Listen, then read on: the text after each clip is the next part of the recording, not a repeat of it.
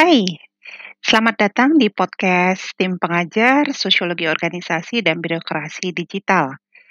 Kali ini saya punya tamu istimewa yang bekerjanya di virtual organization. Yuk, kita cek sama-sama ya.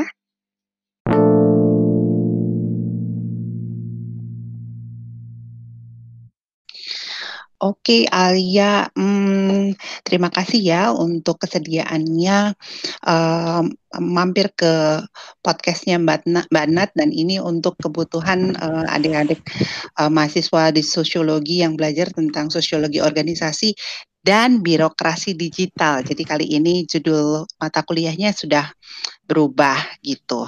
Nah, uh, Mbak Nat kan dengar Alia bekerja di satu perusahaan di mana uh, bekerjanya itu di-manage secara virtual gitu.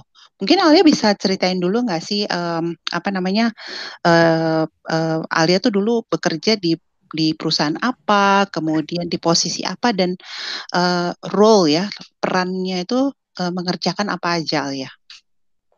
Oke, makasih ya Mbak Nat udah diundang ke dalam podcastnya. Jadi waktu itu pertama kali aku kerja di startup, uh, nama startupnya tuh Futura. Uh, dia itu produknya itu chatbot Mbak.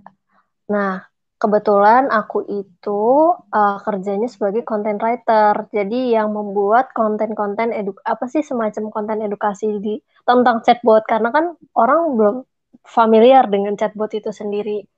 Lebih kayak hmm. gitu sih role-nya kemarin. Oke, okay. chatbot itu apa ya kalau Alia bisa cerita ya? Uh, ini loh kalau misalnya kita lagi pesan makanan gitu, nah ada pesan otomatisnya gitu kan ya yang suka kita terima, kayak terima kasih uh, pesan mak apa makanannya sudah diantar gitu. Nah itu bentuknya lebih kayak pesan otomatis gitu sih. Jadi kayak kita tuh nggak perlu on 24 jam untuk balesin chat orang, tapi ada robot gitu AI yang uh, seperti manusia untuk kebalasin chat kita itu gitu. Oh, gitu sih. Berarti kalau gitu si chatbot itu uh, nantinya ketika produknya hasilnya jadi, uh, Alia nggak pakai hanya untuk perusahaan itu, tapi itu akan di dipromot ke ke perusahaan-perusahaan lain ya, yang misalnya kayak kayak Tokopedia kah, Gojek kah, gitu ya, ke perusahaan-perusahaan yang kayak gitu ya?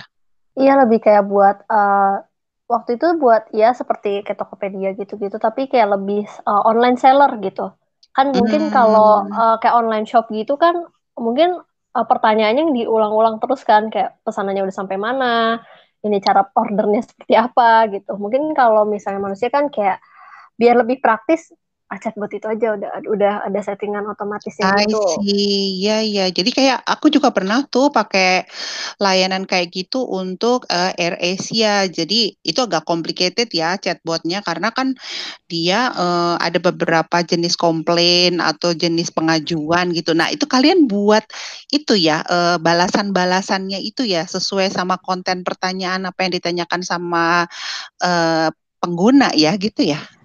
Iya, lebih kayak gitu sih, Mbak. Jadi kayak jadi kita bisa dapat pesan otomatis gitu, padahal yang layanin itu robot gitu, bukan uh, orang gitu.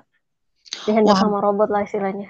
Menarik ya, sebenarnya kalau dari segi sosiologi, kamu jadi itu tuh apa konten tentang uh, apa topik tentang interaksionis eh, eh, interaksi uh, sosial itu jadi kuat banget di situ kan. Jadi kamu menampilkan jawaban-jawaban dalam tanda petik front stage-nya gitu ya Alia ya. Yang kayaknya mm -hmm. tuh sesuai sama kultur jawabannya orang Indonesia gitu ya. Iya, jadi bisa lebih kayak kita seakan-akan ngobrol sama orang padahal yang ngejawab itu robot gitu. Tapi wow. udah disetting sama manusia gitu menarik, menarik, menarik. Nah, terus uh, aku dengar dulu kamu sering sebut bahwa bekerja itu sering in remote remote work gitu. Apa sih remote work itu? Nah, apa tuh remote work? Nah, kita lanjutin ya obrolnya sama Alia. Keren nih orang kalau bekerja remote itu kalau misalnya kita biasanya bekerja itu kan biasanya uh, di kantor. Nah, kalau remote work itu kita mau kerja dari kampus, mau dari rumah. Pokoknya kita itu kan modal kita laptop ya untuk kerja kerja remote work itu. Jadi kalau misalnya aku kan sering waktu aku dulu kerja itu lebih sering di kampus gitu. bisa bisa dari mana aja kerjanya kayak tanpa batasan oh harus di kantor gitu udah kayak nggak ada lagi tuh yang kayak gitu. Bisa virtual dari mana office aja. dong ya virtual office ya Alia. Iya jadi tuh kayak uh, kita tuh punya semacam ya kayak kita punya uh, ruang untuk kita kerja. Kita udah sepakatin ruangnya di mana untuk kita kerjain itu. Jadi kita bisa mau kerjain itu di mana aja. Kayak nggak perlu ke kantor gitu. Bisa dari waktu itu pernah keluar kota sekalipun gitu. Tetap aja aku bisa ngerjain itu gitu. Gak kebayang kan kalau misalnya kita uh, apa namanya kalau kita nggak kayak kerja tuh nggak harus di kantor lah istilahnya. Gitu. Iya ya jadi nggak bosen ya ada di kantor terus gitu kan? Bisa tuker-tuker ya mau kerja di kafe gitu kan mau Wah, kerja. enak iya banget. waktu waktu itu pernah kayak uh, apa wah kan kita kerja harus pakai internet ya. Terus uh, waktu itu kantor uh, wifi-nya mati, jadi kita pindah ke ke mall ngerjanya. Gile. iya banget. Terus kalau kayak gitu tuh um, ada kayak semacam website atau um, kayak virtual office-nya nggak sih Alia? Jadi kayak sistem yang di mana kalian tuh bekerja bersama-sama atau kalian kerjanya pakai Google Drive, uh, ada satu dokumen yang di, kemudian dikerjakan bersama-sama dari dari tempat yang berbeda atau apa uh, platform yang digunakan untuk bisa bekerja bareng gitu?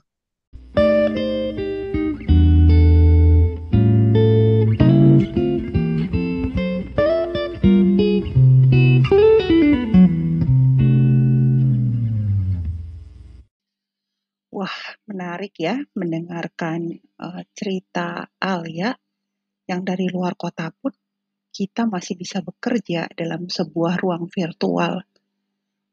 Pasti kalian penasaran kan, apa sih ruang virtual yang dipakai Alia? Uh, di mana yang penting ada internet, terus dia bisa kerja, bisa di luar kota, bisa di kampus. Oke, ini adalah uh, akhir episode 1 dari cerita Alia. Oke, uh, nantikan episode 2, episode 2 setelah kalian kerjakan beberapa aktivitas berikut ini.